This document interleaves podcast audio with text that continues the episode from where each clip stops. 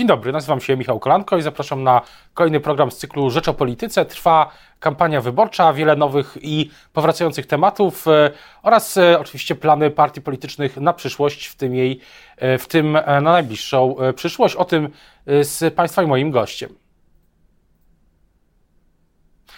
Dzień dobry, Państwa i moim gościem jest dzisiaj Agnieszka Pomaska, posłanka Platformy Obywatelskiej z Trójmiasta i koordynatorka projektu podpis, zbierania podpisów pod projektem obywatelskim ustawy o in vitro. Dzień dobry. Dzień dobry, witam pana, witam państwa. Właśnie zacznijmy może od tej ustawy. Jaki jest, e, jak to się ładnie mówi, stan gry? Ile, ile jest podpisów i kiedy państwo, e, kiedy cały Komitet Obywatelski ustawę, ustawę składa? No mamy około 350 tysięcy podpisów, ale podpisy jeszcze zbieramy. Na pewno będziemy zbierać też w takim symbolicznym dniu 8 marca i pod koniec marca te podpisy w Sejmie złożymy. Taką konkretną datę jeszcze Państwu oczywiście zapowiemy, ale no nie ukrywam, że e, to jest wyjątkowa akcja, bo jeszcze chyba tak, tak, tak łatwo tych podpisów się nie zbierało w żadnej kampanii, e, nie tylko kampanii, mm, nie, ma, nie tylko mam na myśli kampanie polityczne, ale w ogóle wszelkiego rodzaju akcje związane ze zbieraniem podpisów. Tutaj rzeczywiście ponad podziałami partyjnymi wszyscy się bardzo chętnie podpisują, no bo mają też takie poczucie, że był program, który świetnie funkcjonował i który PiS zlikwidował z jakichś takich pobudek ideologicznych, ale zupełnie niesłusznych. To się zastanawiam, czy w, czasie, w trakcie tej akcji pani albo koleżanki, koledzy yy, no mieli też sygnały czy podpisy od wyborców wyborczyń Prawa i Sprawiedliwości, od tych, którzy mm, yy, czy, czy były no, tak właśnie, no, oczywiście nieoficjalne, czy na przykład pani się spotkała z taką sytuacją, że podszedł ktoś, e, kto powiedział, jestem, e, głosuję na PiS, ale się podpiszę? To szczerze mówiąc były dosyć częste sytuacje. Na przykład byliśmy tutaj niedaleko w Nowym Dworze Gdańskim i wspólnie z Barbarą Nowacką miałyśmy taką sytuację, że pan się podpisywał i tak e, nie od razu nas rozpoznał, później rozpoznał i mówi, ale ja was nie popieram, ale, ale projekt jak najbardziej. I to, było, to były głosy bardzo powszechne w całym kraju, w różnych regionach Polski, nie tylko tych, które są uważane za te sprzyjające bardziej opozycji, no bo ludzie rozumieją, że nauka przynosi konkretne rezultaty. In vitro to jest metoda, najskuteczniejsza metoda zachodzenia w ciąży wtedy, kiedy z różnych powodów y, w ciąży kobieta nie może zajść, ale problem przecież nie dotyczy tylko kobiet, problem bezpłodności dotyczy także mężczyzn i problem bezpłodności dotyczy 3 milionów osób w Polsce, więc każdy, kogo spotkamy na swojej drodze w życiu, zna kogoś, kto borykał się z problemem bezpłodności. Dlatego ten projekt jest z jednej strony tak ważny, a z drugiej strony spotyka się z tak dobrym, z tak dobrym odbiorem. No, z tego programu in vitro, który funkcjonował w latach 2013-2016, urodziło się ponad 22 tysiące dzieci. Po trzech latach wtedy akurat, kiedy PiS doszedł do władzy, program zlikwidował. Y, wyręcza, wyręcza ten, ten brak finansowania z budżetu państwa programów in vitro, wyręczają państwo samorządy. I to jest oczywiście bardzo duży, duży wysiłek samorządów przy tej trudnej kondycji finansowej, y, ale jednocześnie no, duża chwała tym samorządom za to, które się tego podjęły, chociaż muszę powiedzieć, że też w trakcie naszej akcji wiele samorządów pod wpływem tego, że my ten problem nagłaśnialiśmy, przyłączyło się też ze swoimi programami in vitro i, i za to też wszystkie podziękowania dla tych. To było niedawno na Śląsku, w województwie śląskim chyba Sejmik podjął taką e, decyzję, ten już po zmianie, po zmianie władzy, która miała miejsce parę miesięcy temu, ale na koniec, w tym wątku jeszcze jedno pytanie, czy e, jak mniej więcej są ramy, jak wyglądają ramy czasowe tej debaty w Sejmie? E, jak, jak to wygląda? Jeśli Państwo złożą ten, e, ten projekt pod koniec marca, to tak e, to jest, to jest mniej więcej do, do wakacji chyba ta debata będzie. Tak, to jest trzy, trzy miesiące od zaakceptowania tego wniosku, więc to, to powinien być koniec czerwca, czy początek lipca, bo później mamy taką przerwę sejmową, także, także spodziewamy się na przełomie czerwca i lipca sejmowej debaty w tej sprawie. No i mam nadzieję, że jednak poparcia tego projektu. Zwrócę uwagę na to, że to też nie jest e, projekt, e, który popierany jest tylko przez Platformę Obywatelską, Koalicję Obywatelską. E, przedwczoraj zdaje się pan marszałek Zgorzelski mówił, że jest jak najbardziej za i potraktowałam to też to jako poparcie PSL-u dla tego projektu, bez żadnego ale, w związku z tym no, mm, mnie to bardzo cieszy, bo chyba niewiele jest spraw, które, które są tak oczywiste w polskiej polityce. In vitro stało się tematem politycznym za sprawą PiSu, ale PiS na tym przegrał i e, na pewno, na pewno będziemy walczyć o to, żeby ten program przywrócić. Co do, co do, opozycji, co do opozycji, to trwa oczywiście prekampania wyborcza, formalnie kampania zacznie się w sierpniu, zapewne. Pytanie na przykład, czy ta debata o aborcji, która rozgorzała mm, wczoraj de facto, ona trwała na opozycji od dawna, ale wczoraj mm, wiele wpisów, wiele komentarzy po tym, jak y, Kośniak-Kamysz i Hołownia wpisali do swojego programu takiego na 100 dni referendum y, w sprawie aborcji, a wcześniej przywrócenie tego stanu sprzed tej no, decyzji, y, decyzji Trybunału z 2020 roku. Czy, czy to dobrze dla opozycji, że, taka, że ta debata tak, tak wygląda z punktu widzenia jej wyborczych szans? Jako całości. No ja przyznam, że, przyznam się szczerze, że tego punktu programowego nie rozumiem. Myślę, że wiele Polek i Polaków tego punktu programowego nie rozumie, zwłaszcza, że ten punkt dotyczący referendum aborcyjnego jest z takim komentarzem oddajemy głos kobietom, a w referendum biorą udział, zresztą słusznie, wszystkie Polki i mm, Polacy. Kwestia aborcji to oczywiście nie jest tylko kwestia kobiet, ale to kobiety w Polsce nawet w tych ostatnich latach traciły życie przez te drastyczne uregulowania aborcyjne i, i szczerze mówiąc, ja dziwię się przede wszystkim posłankom i posłom e, Szymona Hołowni, że coś takiego popierają. Znam ich z trochę innych poglądów. No ale też e, jest argument, że taki argument, który podnoszą też niektórzy dzien, czasami dziennikarze czy analitycy, no, liderzy opinii, że, e, że na przykład e, zmiana prawa w referendum byłaby, miałaby dużą moc, największą możliwy mandat gdyby to było poprzez referendum, bo byłoby to referendum, bo siłą rzeczy to byłaby, byłby głos po prostu wyborców z całej Polski przepraszam bardzo, ale no nie robi się referendum w sprawach, w sprawach dotyczących praw kobiet. No może zrobimy jakieś referendum w sprawach dotyczących y, praw mężczyzn, na, na, na przykład czy mogą zażywać y, tabletki, tabletki na potencję. No, y, no, są pewne prawa podstawowe i ja nie uważam, żeby takie referendum po prostu było zasadne, słuszne. Ono, ono byłoby szczerze mówiąc upokarzające dla kobiet.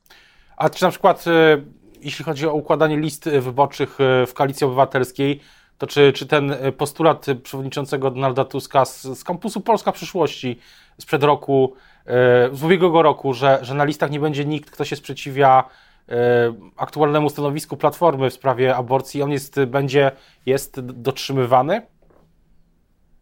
Jeśli chodzi o Platformę Obywatelską, to myślę, że mamy taki powszechny konsensus. Wiele moich koleżanek i kolegów, którzy jeszcze parę lat temu mieli wątpliwości co do rozwiązań dotyczących aborcji, dzisiaj ich nie mają. myślę, że przede wszystkim te, e, tę krzywdę, którą PiS zrobił Polkom, w, zaostrzając to prawo aborcyjne, wykorzystując jeszcze do tego Trybunał Konstytucyjny, sprawiło, że, no, że pewne sprawy stały się oczywiste i że kobieta powinna móc decydować o sobie. No, to jest jasne jak słońce i nie wyobrażam sobie, żeby ktoś z Platformy Obywatelskiej mógł ubiegać się o kandydowanie z, z naszych list, e, myśląc e, czy uważając, że, że po wyborach może sobie w tej sprawie opowiadać jakieś głupoty.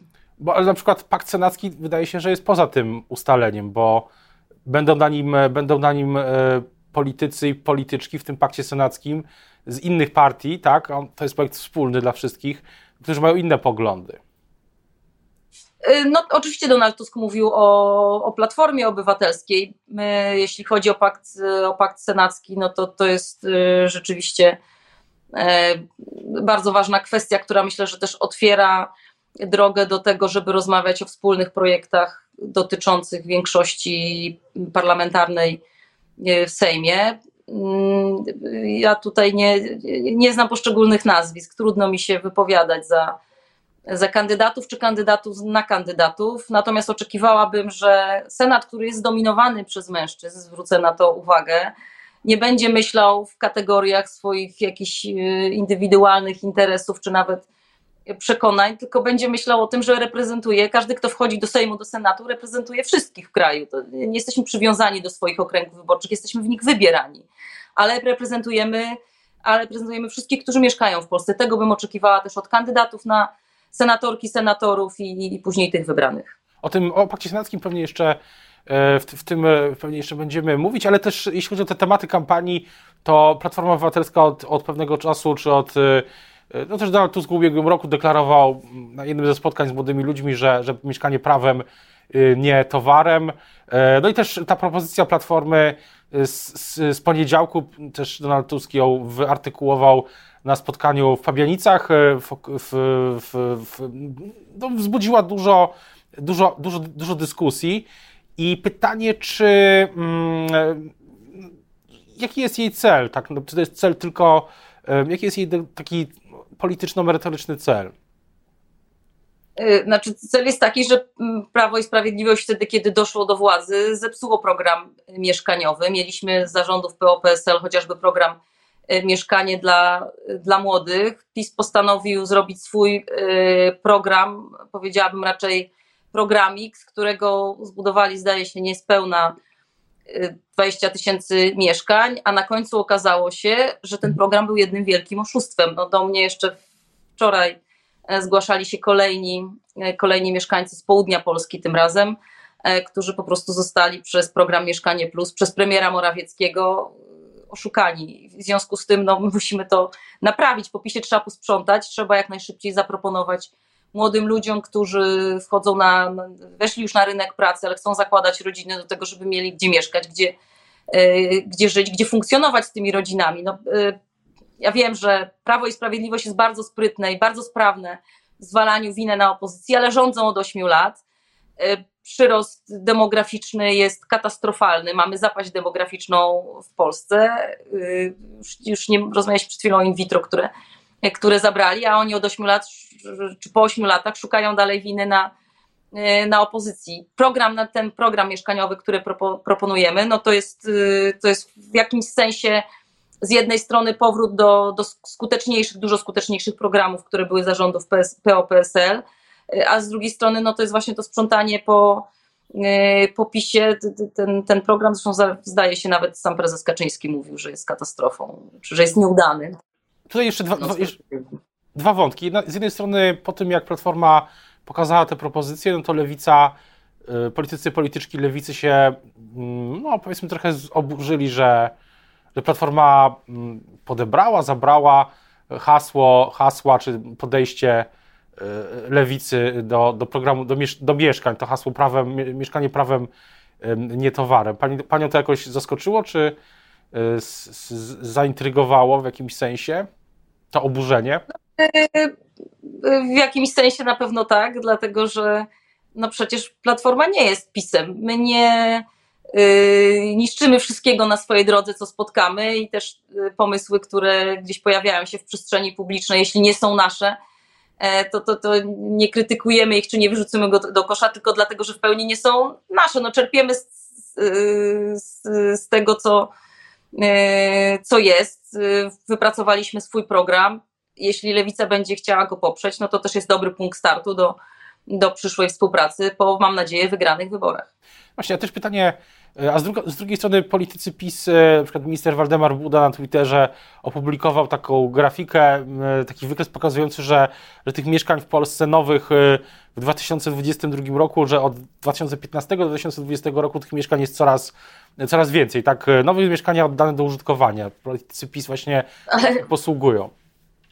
No, ale pan, pan minister Buda, ja znam tą y, grafikę, to chyba nawet nie tylko minister Buda, była taka cała akcja kilka tygodni temu o tym, jak to y, rzeczywiście deweloperzy oddają kolejne mieszkania po 20 parę tysięcy złotych za metr. Tak? To jest ten sukces pana ministra Budy. Pytanie, kogo na to stać. Na pewno stać na to pana Obajtka i innych kolegów pana ministra Budy, a nie stać na, tych, na, na to młodych ludzi, którzy wchodzą na rynek pracy i nie mają szansy dostać willi od NCBR czy od, e, od ministra Czarnka e, na, na jakieś pseudostowarzyszenie. Tak.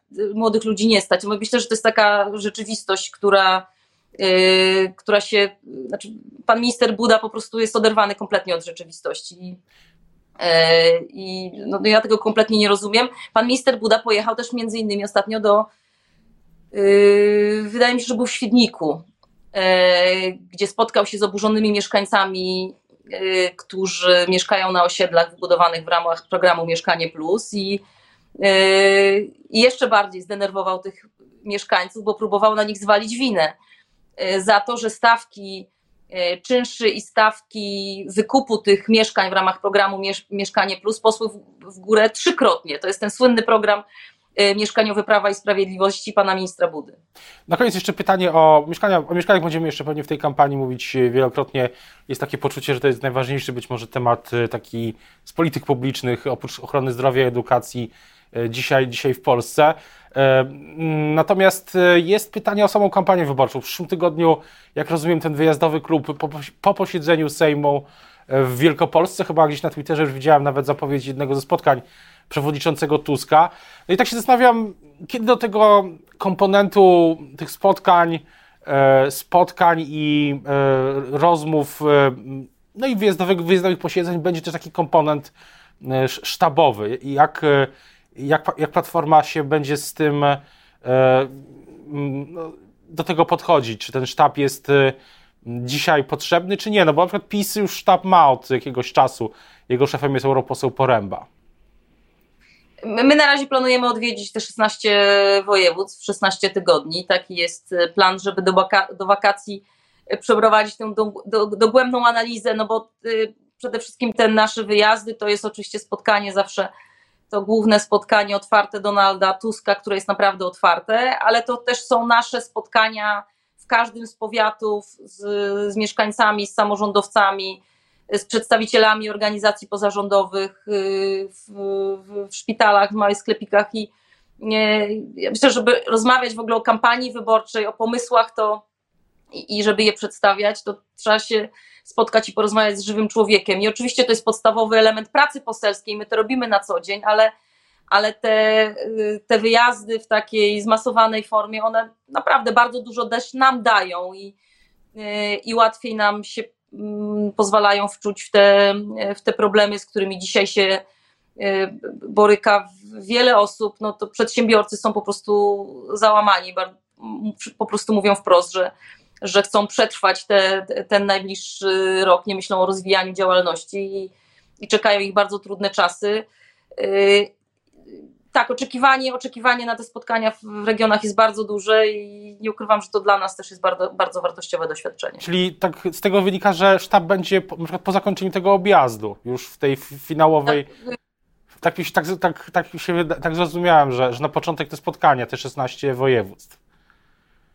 Yy, znaczy ja, ja nie wiem, czy tutaj sztab jest na, na, na, najważniejszy. My skupiamy się po prostu na tej E, na tej pracy w, w terenie, a e, zapewniam, że, że swoje działania e, związane z kampanią wyborczą też prowadzimy, przygotowujemy, ale to dzisiaj nie jest najważniejsze. My dzisiaj po prostu w, jakiejś, w jakimś sensie nie jesteśmy w stanie wyręczyć rządu, bo nie mamy władzy wykonawczej, ale, ale my też no, chcemy być blisko tych problemów, które, na które nie odpowiadają rządzący, na które nie odpowiada Prawo i Sprawiedliwość. To wystarczy zobaczyć, jak wyglądają spotkania Jarosława Kaczyńskiego, tak zwane spotkania otwarte z wyborcami, żeby, żeby wiedzieć, że to jest fikcja. My proponujemy coś dokładnie odwrotnego. Temu też służą te wyjazdy. Te, te wyjazdy, myślę, myślę też, też będziemy śledzimy, śledzimy je bardzo uważnie. Niedawno byłem w Siedlcach na spotkaniu z przewodniczącym Tuskiem. Mam nadzieję też, że wkrótce uda mi się też e, logistycznie dotrzeć na jedno ze spotkań w tym w ramach tego objazdu, może w Małopolsce, e, może w okolicach e, Krakowa. Natomiast pytanie jest na koniec właśnie do Donalda Tuska, bo ostatnio takie wrażenie, że wróciła taka dyskusja, co po wyborach. No czy, czy, czy, nie będę pytał, czy Donald Tusk będzie premierem, czy nie, bo to się okaże po wyborach, ale zapytam Panią tak na koniec, czy, czy Pani zdaniem Donald Tusk chce być premierem? Czy chce, chce mieć ponownie chce być ponownie w, w, w Alejach Ujazdowskich, w, w, miejscu, w którym spędził 7, 7, był 7 lat y, premierem. Chce tego ponownie? Y, to ja, oczywiście to jest niezręczne wypowiadać się za, za drugą osobą, ale ja nie mam wątpliwości, y, że Donald Tusk ma trochę inny cel. To siedzenie na ujazdowskich nie, nie jest jego głównym celem. Na pewno nie jest jego celem jeżdżenie rządową e, limuzyną na, na sygnałach. Na pewno jego celem nie jest rozdawanie pieniędzy swoim. Jego celem na pewno jest odsunięcie PiSu od władzy, tej patologicznej władzy, która no, przekroczyła absolutnie wszelkie granice i pokazanie, że można rządzić inaczej. To to na pewno będzie na pewno będzie jaskrawa już różnica i bardzo widoczna różnica. Nie mam wątpliwości, zresztą rozmawiałam kiedyś na ten temat z Donaldem Tuskiem. No, on już był premierem, był szefem Rady Europejskiej. Myślę, że wszystko, co jeśli chodzi o stanowiska w polskiej, nie tylko polskiej polityce osiągnął i, i już go tak nie kręci zajmowanie konkretnych stanowisk. On pewnie chciałby po prostu no, yy, sprawić, że będziemy wszyscy żyli w trochę lepszych warunkach i nie będziemy musieli codziennie się szarpać i oglądać przede wszystkim tej patologii, którą stworzył PiS. Może to pytanie padnie też e, na przykład w trakcie któregoś z tych spotkań albo w innych w kontekstach e, do samego przewodniczącego Tuska. Teraz bardzo już dziękuję za rozmowę. Państwa i moim gościem dzisiaj była Agnieszka Pomaska, posłanka Platformy Obywatelskiej e, z Gdańska i koordynatorka projektu obywatelskiego pod, zbierania podpisów pod projektem o in vitro. Dziękuję bardzo. Bardzo dziękuję za rozmowę.